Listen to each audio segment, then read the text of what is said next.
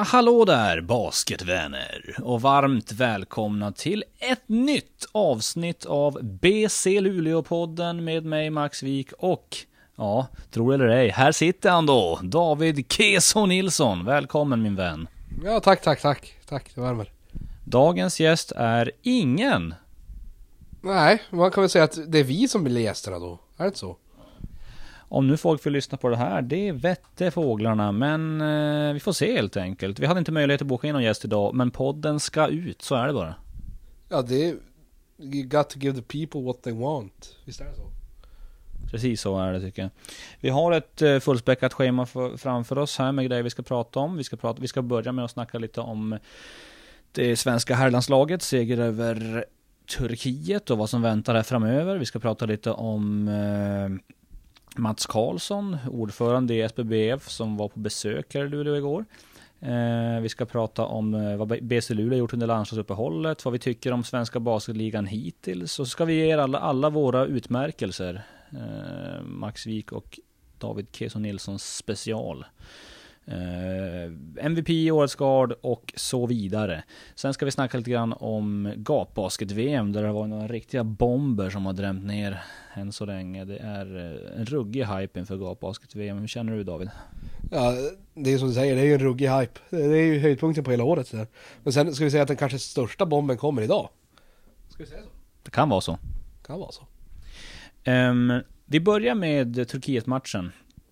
Eh, Sverige mot Turkiet på Hovet. Eh, det blev ju en förlösande seger för Sverige.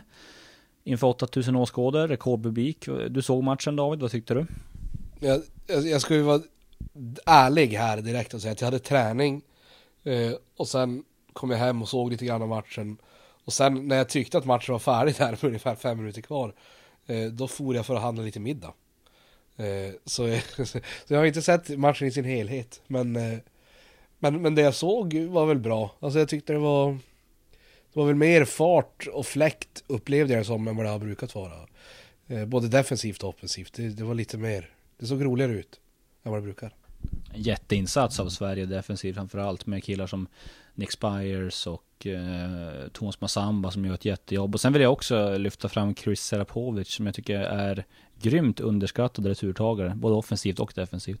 Ja men, ja, men och det är som du säger, Chris Serapovic är väl generellt underskattad.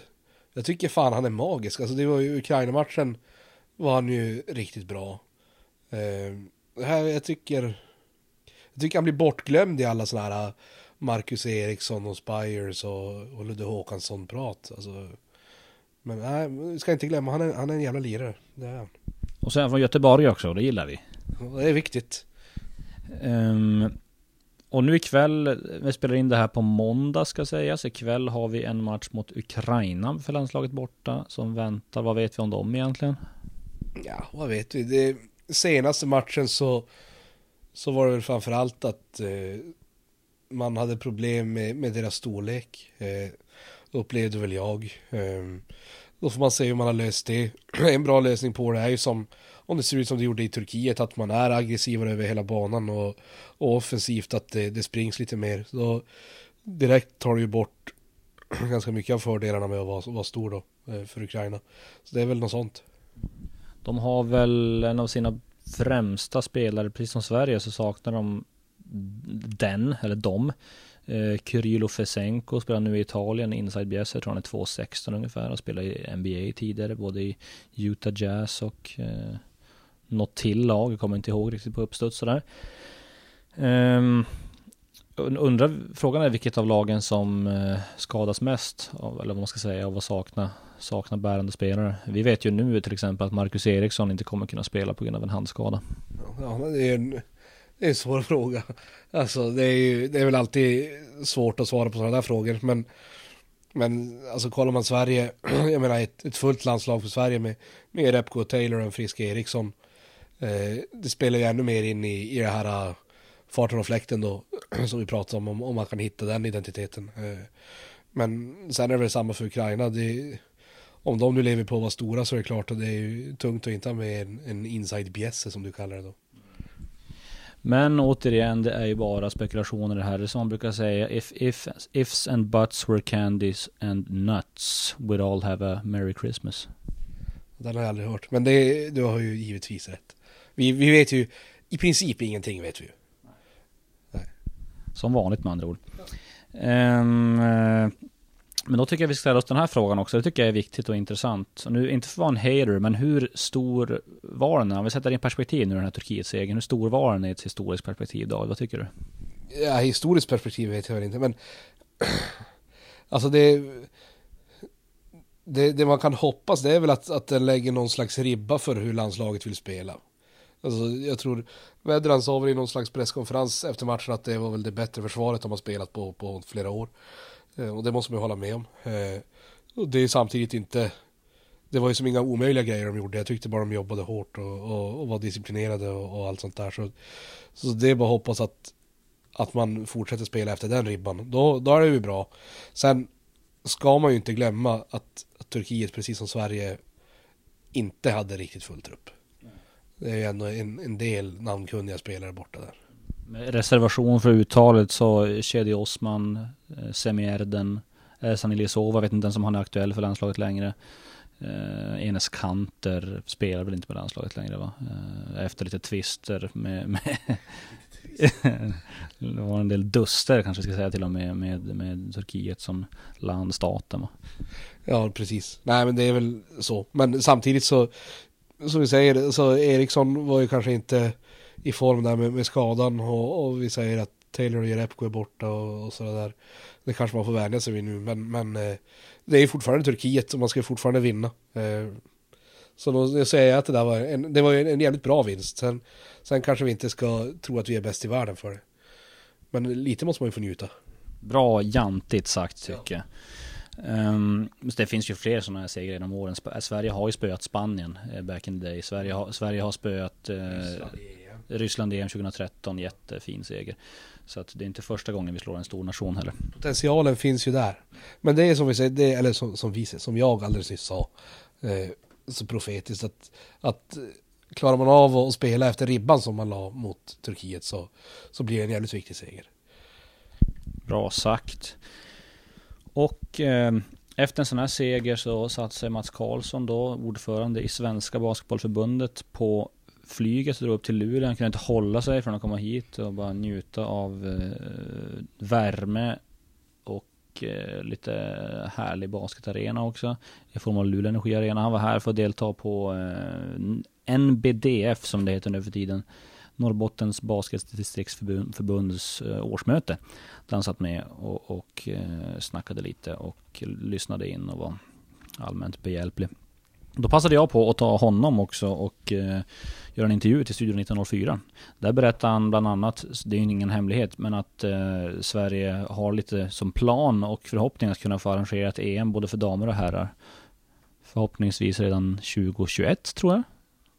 Vad tror du om det Lave? Nej, det hade väl varit ett, ett jättetillskott. Eh, om man ror i land allt ekonomiska. Jag vet inte vilka, vilka bekymmer som finns på att arrangera EM. Eh, förmodligen är det ju det är väl ett projekt kan jag gissa. Men det hade ju varit jätteroligt. Vi har gjort det en gång förut. Nu var ju jag så liten och jag höll inte på med basket då. Så jag vet inte riktigt om det var bu eller bä då. Men, men det hade varit jätteroligt ifall man fick, fick en ny chans.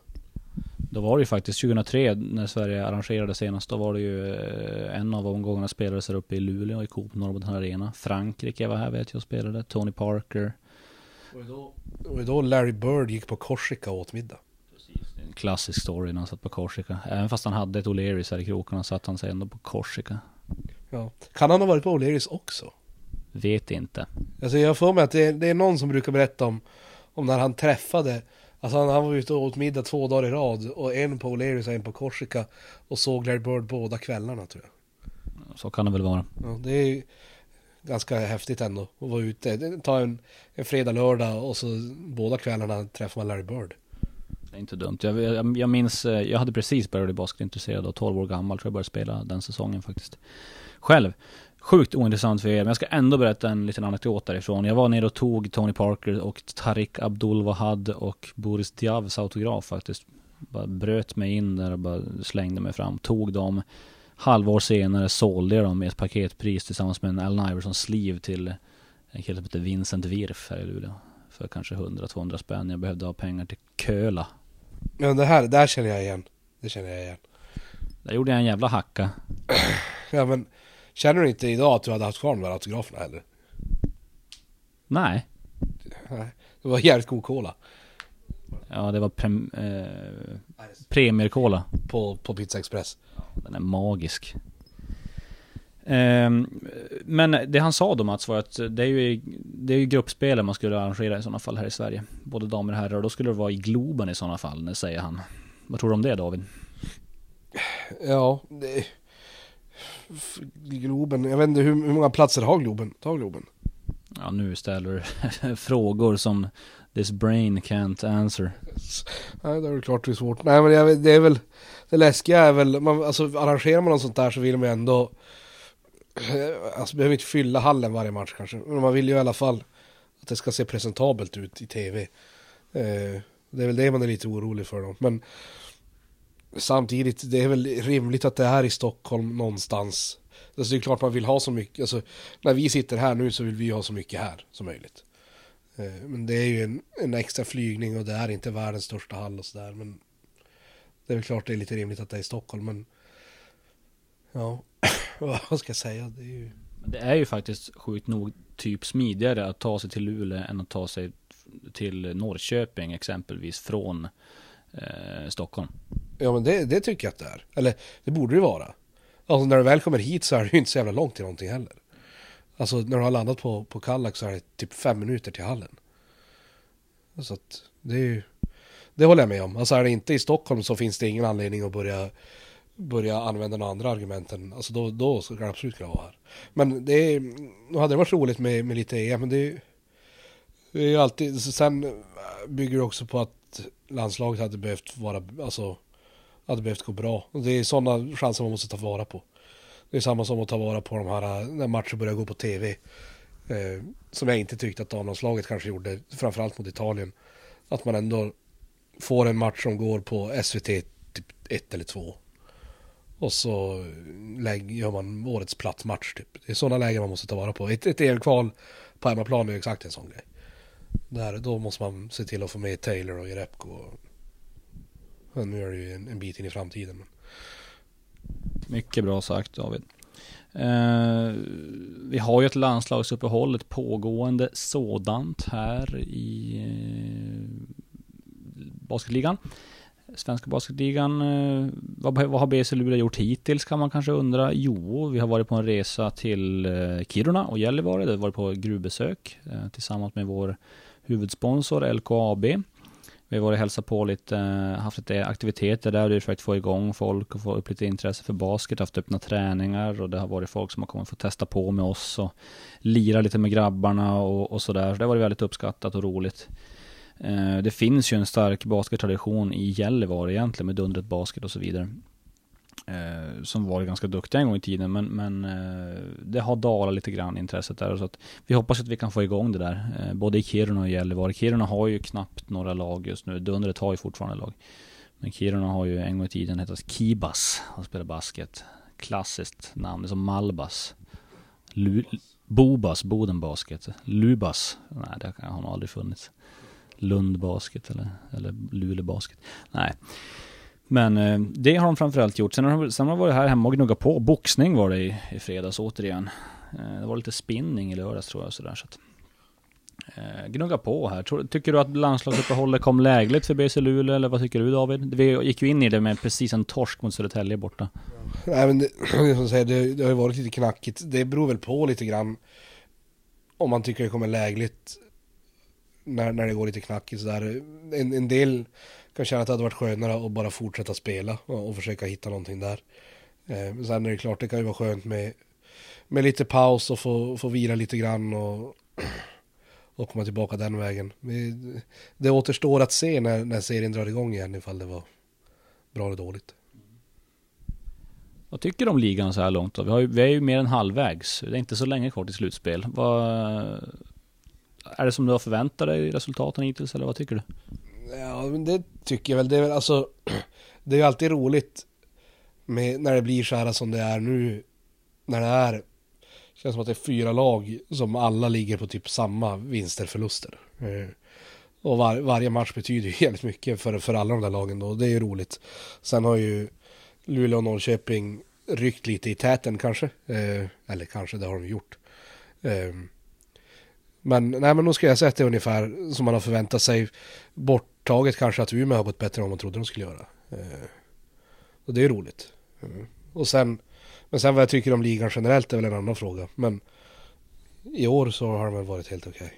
Men är ligan, så, är det, vad är det för kvalitet på den nu? T- Tänk så här då.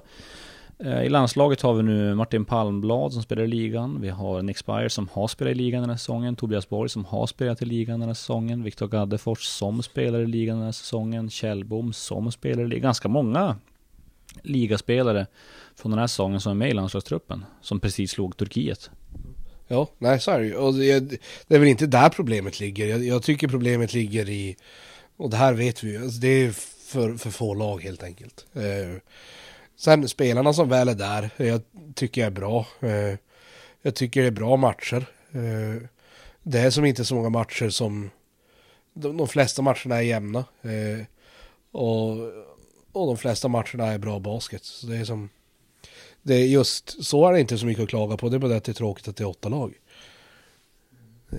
Importspelarna tycker de håller samma klass. Det är ganska svårt att bedöma ändå sådär. Ja, det är svårt att bedöma, men det är väl som alltid så finns det guldkorn och sen är det ju så här lite småtråkigt med, med sådana här när spelare som Hilliard inte kan vara hela hela säsongen till exempel. Och det hade gjort en jätteskillnad. Eh, men jag menar, importspelarna BC, Yannick och Brandon och Q, eh, bra. Vi har Smith i, i Umeå som, som var någon slags guldkorn som de lyckades gräva fram för hur italienska 24 ligan eller vad fan det nu var. Um, nej, och så, men Hilliard som vi redan har nämnt och så här, så då, då tycker jag de håller, håller måttet. Sen är det kanske inte alla MVP-klass, men så är det ju aldrig. Samtidigt ska ju, ska det sägas att nu för tiden får man ha tre amerikaner till exempel. Eh, I basketligan det fick man inte för några år sedan. Ehm, och så här är det ju att min analys är väl att nu för tiden kanske man hämtar man hämtar spelare från lite andra ligor. Den hämtar vi från Danmark mycket. Det gjorde man inte för några år sedan. Och jag vet inte om det säger någonting om att danska ligan blivit starkare eller om, eller om det säger att eh, svenska ligan inte är lika respekterad. Det vet jag inte. Nej, men jag tror inte man ska läsa in för mycket i det där heller. Det är, nu har det varit, vad var det, Rosell var MVP, var det Bolin som också var MVP? Eh, i, I danska ligan. Men så där kommer det väl alltid vara. Alltså, speciellt att man, att man hämtar från lite andra ställen och så går det bra för någon och då hakar någon på. Det är väl lite som med isländska spelare. Det går, det går bra där i Sundsvall att plocka hem någon isländsk och då plockar man dit några till i något annat gäng och sådär. Så det, det kommer alltid komma och gå, det tror jag. Som när Solna tog Loge Gunnarsson till exempel. Ungefär så. Så är det. Men du, du var inne på det nyss det här. Eh, fler lag i ligan. Vi har åtta lag den här säsongen. Det är sex stycken som går till slutspel. Två stycken direkt till semifinal, ettan, tvåan. Det behövs fler. Ja, det är vi helt överens om. Det är vi överens om. Har du inget mer att säga om det då? Nej, men vad fan, vad, vad ska man säga? Det, det, behövs ju bara mer. Alltså fler. Och det, fler framförallt. Kanske, ja. Eh, då det är väl inte så mycket svårare än så. Alltså, vi har pratat om det förut, att, att det stora är väl att, att man måste släppa in lag och, och lagen som kommer in kan inte komma in och tro att de ska kunna eh, slå sig in i toppen det första de gör, utan, utan man kanske måste gå ur med vägen. Alltså slå sig upp eh, och sen vara jävligt risiga i några år. Alltså för, för att bygga upp någon slags, någon slags eh, vad heter det, långsiktighet och, och någon slags kontinuitet och så här. Och så, och så får det börja gå bättre och du kanske är sist i ligan eller näst sist i ligan fyra av fem år. Men det sjätte så kanske du nu som Umeå är och slåss om, alltså jag tycker inte det är helt orimligt att Umeå kan gå till en semifinal i år. Alltså beroende på hur Smith är på spelhumör och sådana grejer. Eh, och det är väl så fler lag skulle behöva göra. Inte, inte ha sån jävla övertro eller inte, inte tro att man ska gå in och slå sig in i toppen direkt. Vi har lite tålamod. Ja men det är väl det. är ju lite svårt det där. Många jobbar ju med quick fixes och man, man dunkar in en jäkla massa importer. Men det är ju otroligt viktigt vad man har för importspelare. Så är det ju, det är ju ingen hemlighet och, och man måste göra sin scouting och kanske chansa lite på någon sån här kille. Eh, som typ Eric Smith. Eh, eller typ e-, Eric Gilcrease som de har tagit från, eh, från eh, Norge senast kanske. Inte helt hundra på det. Eh, det är inga superligor vi snackar om där, men de, de, det är spelare som, gör, som är bra i svensk riktigt bra i svenska basketligan. Ja, nej men så, så är det ju. Och så, sen får man inte glömma, det är som du säger, det är viktigt med bra importer, men, men samtidigt kan man inte leva och dö med importerna. Alltså man kan inte vara ett sånt där lag som, som ifall importerna går bra så, så är vi topp fem och ifall importerna är dåliga så åker vi ur ligan. Alltså det, jag tror någonstans måste det börja med, med en svensk stomme. Eh, lite grann i alla fall. Behöver inte, absolut inte vara som, som BC svenska stomme, alltså med, eller Södertäljes eller Uppsalas. Men, men någonstans behöver man ha ett stabilt gäng fanbärare, vad vi kallar dem. Eh, och sen så, så får importerna krydda lite. För de svenska spelarna finns, eh, absolut. Men eh, det tar inte hand om dem, tycker jag. Kanske så väl. Så kan det vara. Vilka lag eh, tror vi får se då till hösten i, bas i svenska basketligan? Vilka nya lag ska sägas? Det är jätte, jättesvårt. Jag, jag, jag har ingen insikt i, i varken ekonomi eller, eller hur föreningar i superettan tänker. Men eh, och nu, nu, jag känner så här, det är som vi också sa, eller som, som din chef pratade om det här med att att framtiden kanske ligger i de här lite mindre samhällena och i sådana fall får man väl se typ Köping och Vätterbygden som, som, som skarpa kandidater. Eh, och sen i Djurgården vet man ju väl upp. Eh, nu vet jag inte hur det är med AIK har dragit ur, eller har de gjort det officiellt att de har dragit, de har inte gjort det. Att de har dragit ur damlaget AIK. Så, men det är väl rykten att det går lite knapert där. Eh, Djurgården vet jag inte. Men, men Djurgården, Vätterbygden, Köping hade varit roligt att få upp jag tror ju att, eh, alltså det man lilla man har sett som sagt var, vi har ju begränsad insyn. Jag vet inte exakt vilka lag som har anmält sig till Basket League, spel i basket, svenska basketligan nästa säsong, det, det, skulle man ju göra ganska nyligt här. Eh, men eh, Köping verkar ju vara en, eh, de har en jättefin lösning där med sina webbsända matcher på, på lokal-tv och så vidare. Eh, och, och har, har ju vissa spelare som idag redan ska kunna spela i ligan utan vidare. Eh, verkar ha, ha någonting roligt på gång där. Eh, Vätterbygden tycker jag verkar jätteseriösa med många sådana här rutinerade killar i, i organisationen, inte minst Dennis Aulander då. Eh, och de är ju, de som har varit gjort studiebesök på, hos Brås Basket, de var uppe här och gjorde studiebesök också och lyssnade lite på när Lasse Mosesson snackade. Sånt där tror jag är sjukt viktigt, att man vågar, vågar åka runt och titta vad har funkat i Luleå och, och, och vad har funkat i Borås och vad kan vi kopiera där och hämta inspiration från. För det finns ju mycket. Alltså, här i Luleå har vi haft bra publik och eh, haft en högklassig organisation under väldigt många år. Så det är klart att någonting, någonting gör man ju rätt där. Ja, absolut. Och det är väl, det är som du säger, det är ju framförallt organisatoriskt. Alltså jag tror det är, jag hade den här diskussionen på, på en, en resa för två eller sedan eller vad det var. Med, med några bekanta. Just det här att, att fler lag kanske skulle behöva satsa på organisationen före det själva sportsliga. Alltså om man, om man sitter inför, inför sin första säsong i ligan eh, och om man har en okej okay svensk stomme och man har fått in två amerikaner så känner man så här, ah, okej okay, ska vi sätta de här visst antal hundratusen eller vad vi nu har kvar. Eh, ska vi sätta det på en till halvduglig amerikan så vi vinner en eller två matcher till? Eller ska vi anställa en säljare? Eh, och få lite saker att hända, en, en säljare slash kommunikatör eller hur ni vill utbilda en sån grej, men, eller ut, utforma en sån grej. Men där, där tycker jag att fler, fler lag borde gå vägen att, att eh, satsa organisatoriskt. För det, det är ju det som ger i det långa loppet.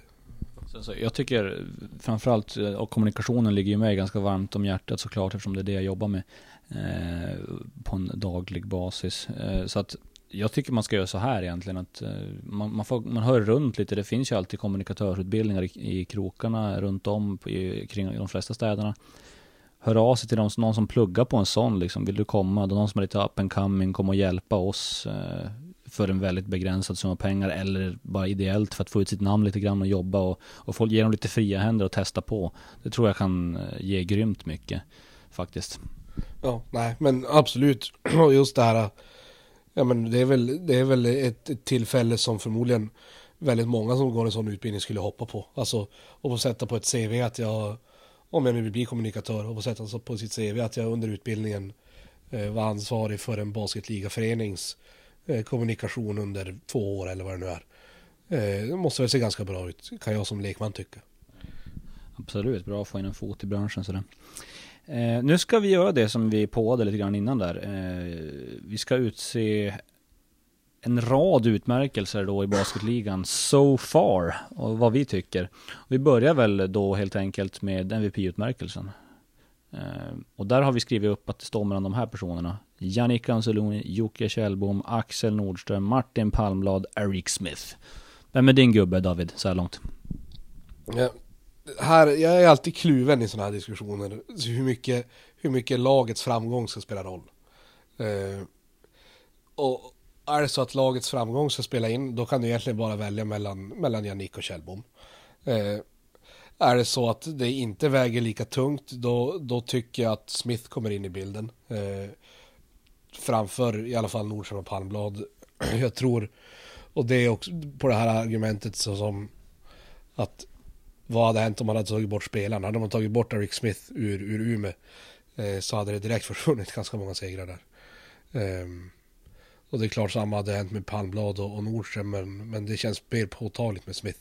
Just i att Umeå har blivit så mycket bättre i år och jag tror att det mesta ligger i han och även Gilcrease och André Nilsson och sådana spelare också men, men det mesta kommer nog från Eric där. Det är ju lite tråkigt att säga Kjellbom men han har gjort en magisk säsong igen den sjuke mannen.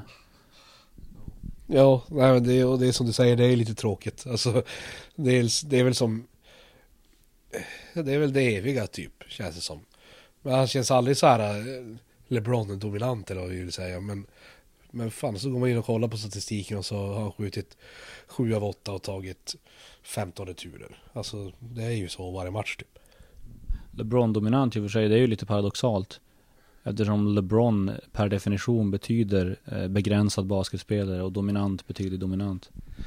Ja, eh, det här är en annan diskussion. det här är en annan diskussion. Men sen, eh, jag tycker Jannik, det är som så lätt, vi som ser Jannik varje match, eh, han är ju en sån här eh, spelare som man lite så här hatar att älska tycker jag.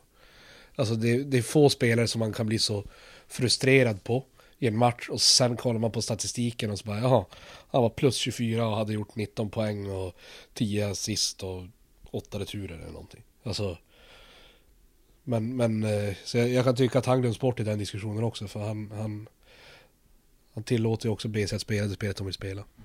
Han är ruggigt bra men, men jag måste ändå säga att det är, för mig är det Kjellbom hittills som är det. Vissa hävdar ju att det är, att det är Axel Nordström och så vidare. Det vet jag har nämnts. Eh, men jag tror, jag tror ändå att det är Jocke Kjellbom för min del. För när han inte är på planen så är Norrköping inte i närheten av samma lag. Nej men jag, jag är nog benägen att hålla med dig. Eh, jag, jag kan hålla med.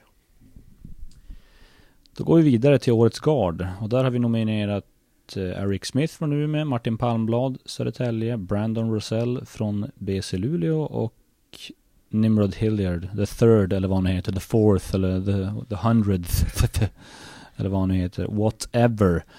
Uh, ge mig din take Dave. Uh, nej, och här känns ju direkt som att, som att lag framgång spelar mindre roll. Uh, och jag vet inte, Rosell, nu har man ju den här senaste matchen i bakhuvudet. Uh, men alltså det jag tycker, hade Hilliard varit skadefri Eh, det är ett stort om. Men hade han varit det så, så tror jag att det hade varit Hilliard. Men nu känner jag att det måste fan vara Smith alltså. Måste det inte det? Ja, jag är nog kanske beredd att sätta det. Så det är ju alla de här gör jättefina säsonger. Att de ens nämns på Årets Guard är en fantastisk utmärkelse. Och jag tror att Rosell har mer att ge och det kommer nog eh, när slutspelet drar igång. Och kanske har vi en Finals MVP till där och hämta ut utan att jinxa. Eh, vi såg ju hur sjukt mycket han lyfte sig i slutspelet i fjol. Eh, Palmblad, åt, alltså han, han ser ut som en helt annan spelare tycker jag nu än bara för några år sedan. Han spelade i LF Basket här som vi hette på den tiden så han hade inte alls det här eh, attackerar inte från studs på samma sätt som jag tycker att han gör nu. Eh, Hilliard som du säger, det är ju, alltså hade skadorna plockar ju bort honom. Så att det, det blir, landar nog på Eric Smith ändå. Han har en fin kombination av att han attackerar korgen hänsynslöst, sätter grymt tuffa skott och spelar försvar också. Ja, nej, och sen är det ju, nu lät som, jag tyckte i efterhand lät som att jag förringade Palmblad. Han har ju trots allt en jävla grym säsong. Eh, och, och framförallt spelar sjukt mycket. Eh, och fått dra ett stört tungt klass eh, i Södertälje och, och ändå lyckas göra det match efter match. Eh, är ju, det är ju bra. Det är riktigt bra. Men jag, jag tror, för mig är det Smith. Alltså, just i det lyftet som han har gett Umeå också. Eh, måste väl spela in. Sen har vi årets forward då. Och där har vi nominerat Axel Nordström, Jannik Anseloni och Viktor Gaddefors. Um, ja, jag tycker ändå att eh, Jannik Anseloni ska ha den där faktiskt. Ja, men här, här håller jag med. Eh, alltså, det är ju konstigt ifall man har honom som, som topp två i MVP. Eh, men sen inte som årets forward. Eh, nej, men han, han gör ju som allt på, på ett sätt som jävligt få spelare i basketligan gör. Alltså, han kan göra poäng ute och inne. Eh, han kan ha sådana här matcher som när, när han hade den här, visst hade han triple double match? När han, man ser verkligen att fan eh, ska sprida bollen idag och, och slår magiska passningar. Eh, för det mesta. Eh, så han, han, kan som göra allt. Och, och just att det tillåter BC att, för hade man haft en, en vanlig fyra där eh, så hade det inte alls blivit samma, samma fart i spelet för BC. Så nej, absolut Jannik. BC Luleå heter de David. Ja, vad sa jag då? BC. Mm, BC. BC Luleå. Ja, nu får ni skylla er själva att ni har ett sjukt otydligt namn sådär. Det är tydligt. Hur tydligt som helst. BCL eller BC Luleå eller bara Luleå. Men jag sa väl Luleå? Jag sa väl Luleå? Nej. Ja. Nej, men då menar jag Luleå. Bra. Jag nöjer mig så. Ehm, då var vi överens om Jannik Anseloni. Sen Axel Nordström i Gaddefors, jättefina säsonger, jättefina. Inte så mycket att säga om det. Axel Nordström gör ju sin bästa säsong i karriären. Viktor Gaddefors vet vi ju vilken klassspelare det är, så det är inte så mycket att säga. Men BC Luleå leder serien, Jannik Anseloni Eh, jag gör ju helt sjuka siffror stundtals. Så att han, han är min eh, årets forward hittills. Årets center, och den är ju inte så svår. Det står ju någonstans mellan Jocke Kjellbom och André Nilsson. Och det är, även om André Nilsson gör en, också en jättefin säsong. Han har ju utvecklats och, och får, får utrymmet nu också att göra de här grejerna. Som jag tycker man har sett glimtar av stundtals. Men det är ju en landslide victory av uh, Jocke Kjellbom. Det är väl som inte ens har idé att diskutera. Är det? Alltså han är ja. Han är bäst på det han gör i basketligan. End of story. Årets stjärnskott då, det är ju som jag förstått eh, U, bästa U23-spelaren. Som, ja, det var någon, någon beskrivning där. Eh, och det är ju några stycken som vi tycker har gjort det bra. Och det är Denzel Andersson och det är Adam Ramstedt, Walter Lindström och Olle Lundqvist. Här vet jag inte, jag har inte riktigt bestämt mig innan vem jag tycker. Nej, det har väl inte jag heller. Jag tror Eh, det hade väl legat Ramstedt lite i fatet om Spires hade varit kvar. Eh, jag upplever inte att det har gått lika bra för Ramstedt efter, efter att Spires har dragit. Eh, de, de bildade ju någon slags tvillingtorn där i början av säsongen. Det var en magisk hype över det där. Eh, sen, ja, Walter Lindström, Olle Lundqvist, jag vet inte. Man, jag tycker att Denzel har varit jävligt duktig i år. Om, om när jag tittar på de här namnen så, så så om man börjar fundera på det så, så tycker jag att Denzel har varit bra.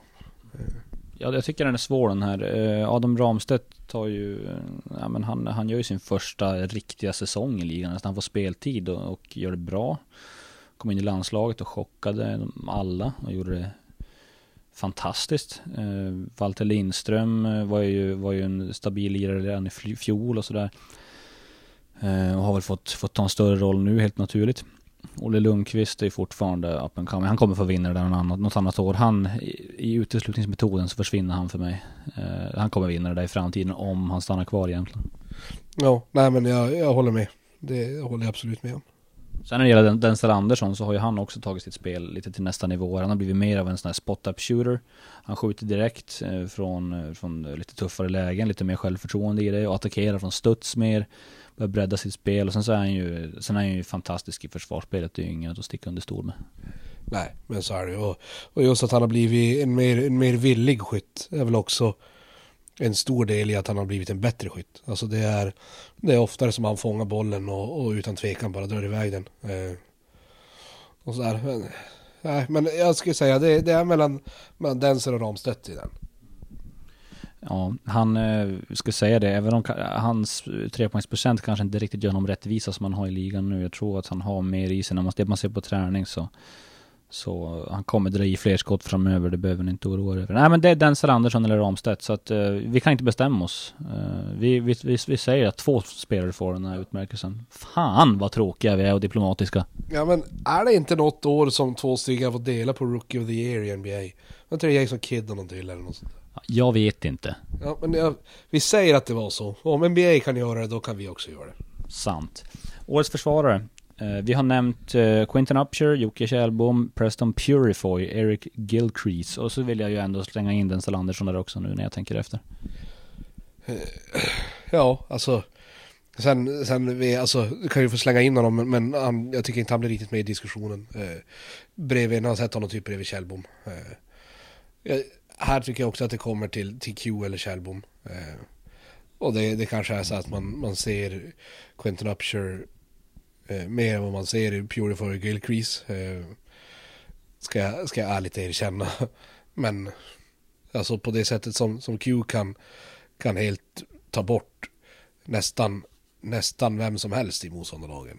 Eh, känns jävligt unikt. Eh, Kjellbom är ju en annan sorts försvarsspelare. Mm, så det är väl lite hur man vill rösta där. Nej, jag måste ge en till Quinton Upshur faktiskt. Han är ju en eh, otro, vilken otrolig motor han har alltså. Och det har kanske inte med försvarsspelet att göra, men han gör, det känns som att han gör typ aldrig en dålig match. Nej, men det är väl så. Alltså det, om vi säger att du spelar försvar ordentligt varje match, så får du ju automatiskt en, en, en hög lägstanivå. Alltså, det är väl som den gamla klyschan att, att skott kan väl gå, kan du missa ibland, så du kan vara kall. Eh, men du kan som aldrig försöka spela försvar men bara inte lyckas typ. Alltså det är ju det är bara en inställningsfråga och, och gå in och göra det. Och han gör det ju fan varje match. Min röst går på Quinton Upshur, din röst går på? Ja men då kör jag också på Q. Jag känner mig jag slätstruken idag. Jag vill inte härja så mycket. Vi kör. Inga motsättningar här inte. Här håller vi varandra om ryggen. Årets lyft. Och där tycker jag egentligen det bara handlar om ett gäng och det är Umeå.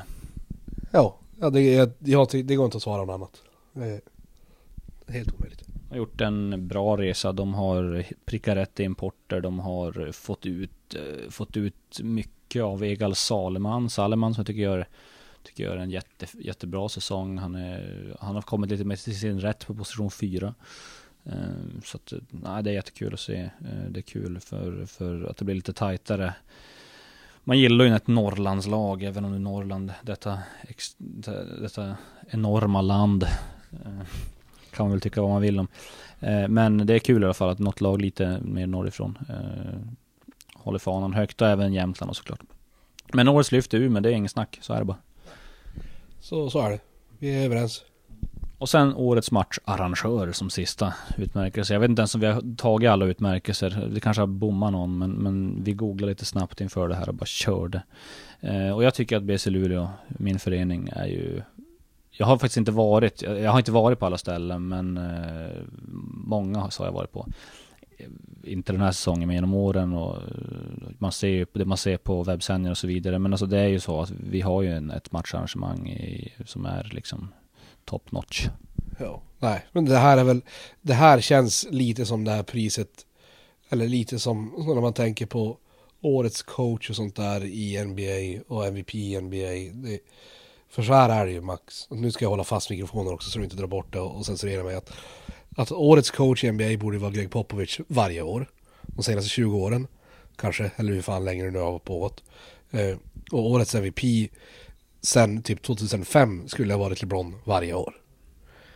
Eh, och det är lite samma med årets matcharrangör för BC Luleå. Det är, de är som, de är konstanter. Det är där hela tiden. Det får stå för dig det där med LeBron och vad de nu snackar om. Men BC Luleå, det kan jag hålla med om. Det är ju en... Eh, äh, vi har ett jättefint matcharrangemang här, så är det bara. I nästa avsnitt av Studio 1904, då kommer vi få se två, förhoppningsvis, jag har inte frågat dem ännu. Jag måste göra det. Eh, två giganter. Eh, två Plannja basketlegendarer, Jimmy Enbom och Vincent Lundahl. De är, är ju kända för sina basketinsatser på planen. Eh, de är också kända för en magisk, eller klassisk ska vi säga, snusbild. Där de sitter och snusar på bänken när de spelar. Har du sett den David? Eh, den har väl gjort sina rundor nu på sociala medier. Då var det den som gatbasket-VM la upp. Ja, då har jag sett den. Kommentar? Eh, klass, klassisk och magisk tycker jag båda beskriver den ganska bra. Klagisk. Ja. Du lät som att det blev något, något dåligt. Klagisk, eller sån här tragisk. Men, men ja, klassisk och magisk. Den, den är fin. Det, det är ju någon, den säger någonting om Norrbotten. Det- gör den ju framförallt. Det gör den ju framförallt. Det är väldigt talande. Den är, den är fantastisk. Och de killarna, det ska bli kul att se om de tackar ja. Nu har de ju, nu känns det som att de får lite press när det här, när det sprids i podden. Eh, att de måste tacka ja och vara med. Eh, Vincent Lundahl blev ju tokhånad av John Rosendahl allra senast. Så jämförde med Lille Skutt för att han fick ont överallt och började gråta. Så vi har ju ett svar att utkräva där, det kan bli kul. Det ser jag mycket fram emot. Och de här två är ju med i ett lag som heter Team MM som spelar gatbasket-VM den 7 juli i sommar där BC Luleå är huvudsponsor eh, för gatbasket-VM. Och Team MM har ju då gjort en otrolig värvning, kanske den eh, tyngsta värvningen av alla hittills. Så det är ju Carlos Wheeler som spelade i Plannja säsongerna 05, 06, 06, 07, dubbla guld. Han kommer ner i sommar till eh, gatbasket-VM. Ja, alltså inte... När du, när du sa det sådär Max, då lät det som att du menade tyngsta värvningen i som gatbasket-VM bara. Men jag skulle säga att det här är förmodligen tyngsta värvningen i basket. Alltså punkt. Det är, det är det här och om man räknar som värvning så, så när Michael Jordan kom tillbaka efter sin första retirement. Så är väl de här två som smäller högst då.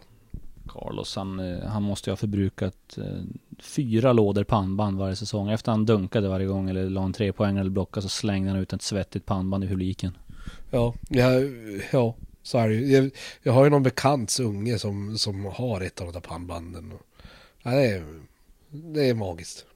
Det var någon skröna om att han skrev sitt telefonnummer i pannbandet också. Sitter på snygga tjejer. Jag vet, jag vet inte. Ja, det, den skrönan har jag faktiskt inte hört. Men det är, ja, han är ju, han är ju en, en showman, Carlos Wheeler. Det kan man ju lugnt eh, erkänna. Så det kan nog stämma. Och idag blir det officiellt, jag vet inte om det är ute ännu när vi lägger ut den här, det får vi se. Men att eh, det kommer ett la- Stockholmslag till eh, Gatpåske VM. Igen. Hufvudstaden heter de. Och de består av följande gäng. Nisse Hedström, Leslie Myrtil, Olivier Ilunga, Jocke Blom, Mattias Salström, Johan Westerlund. Det är ett bra gäng. Ja, alltså. Det där är ett, ja, det är ett riktigt tufft gäng det där. Och det är så mycket i det där gänget också. Det är ja, det blir, det blir väldigt spännande att se hur, hur långt de kan ta sig i turneringen. Johan Westerlund har varit med- förut eh, och han och Jimmy Enbom brukar ju ha sina duster. Ja, ja det, blir, det blir spännande. Frågan är vem som av de där som kan försvara Carlos egentligen. Nej men det är alltså, det kan man kyligt räkna med att ingen kan göra. Alltså, det är ju inte ens en fråga. Det kan vara det bästa Stockholmslaget som vi har sett i Luleå någonsin. Ja. Ja, alltså jo. Även sådana här ligalag inräknat. Ja, det tycker jag. De är sjukt kaxiga snackas det om. Hufvudstaden, bara det namnet säger väl allt. Ja, ja men också, det är väl många där som är kända för att kanske låta, låta munlädret gå också. Det är ju roligt. Det är ju, det är ju halva grejen med gatbasket-VM. Eh, Nisse Hedström kanske framförallt. Eh, Nej, det blir, det blir kul det där. Nej, så där tycker jag vi nöjer oss för idag med podden utan gäst. Eller med gäst. Eh, det får man se lite hur man vill. Och jag tycker vi avslutar med en klassisk låt. Gapbasket VM-låten. Eh, som gjordes någon gång där för 2003 någonting. Den är fantastisk. Hörrni, tack för att ni har lyssnat. Tack till David Kesson Nilsson. Vi säger så här, på återhörande. Yes Gatbasketbrorsan 2005 från söderut på karta, från gator i Aspudden till staden längre norrut till Luleå där stadsbubbel var en Lokal till och för folket att snacka skit på. Till sommaren 97, vi backar dit då. En man vid namn Kempe kom på tanken att kunna dricka mer öl utan pengar på banken så Han drog ihop en turnering, det var fyra lag Som satsade med en backbira var. Hela dagen på planen så bara lirar vi. Vinna kammaren, biran, sen bara firar. Vi Rätt och var kaxig i 364 dagar. För varje sommar som går så blir det bättre bara. Jonas var het så Kentucky vann Old Björks, de kunde inte få stoppa han. Inte heller laget som kallas Tuna 2 Luleå City Gat Basket-VM på Gula Gård Världsmästerskapet i gatbasket det är Världsmästerskapet i gatbasket. Ni ser Antar att vi ses. Nere på Tuna då det spelas gatbasket-VM på Gula Gård. Världsmästerskapet i gatbasket det är Världsmästerskapet i gatbasket. Ni ser Antar att vi ses. Nere på Tuna då det spelas gatbasket-VM på Gula Gård. Det finns tre MJ som det ordas om. Michael Jordan, Magic Johnson och Micke Johansson. Ryktet tror man dem, det sägs att DFT är det bästa spelaren vi någonsin kommer se Världsmästare, så noga uträknat Han har så många moves att bara du häpnar Vem var det som Jon blockar stenhårt? Håkan sköljde ner bollen med Trocadero vem minns det? Ah, ett känt minne då 70-talet kom tillbaka i form av glänslinne. Vi får väl helt enkelt se om Engström dyker upp i år och mor vågar störa hans sömn Ögat glider förbi, jo det är ultrarapid. Han bara skakar och bakar och sedan blir han så fri. Sen bara lägger han i skiten, tar lädret i hålet. Där står Håkan helt stilla och bara snurrar med håret. Världsmästerskapet i gatbasket det är Världsmästerskapet i gatbasket ni ser Antar att vi ses nere på Tuna då. Det spelas gatbasket-VM på Gula Gård Världsmästerskapet i gatbasket det är Världsmästerskapet i gatbasket ni ser Antar att vi ses nere på Tuna då det spelas gat Basket-VM på Gula Gård Alla vet vad som gäller. Då när boysen får bingo på plan. Så blir det väl ingen vacker syn till Lasse V. Första platsen är inte din. Och kommer aldrig att bli det när du får ingen ring. Om du spelar med Örjan, ja då lönar det sig. Om du ger bollen till honom, annars så dödar han dig. Question.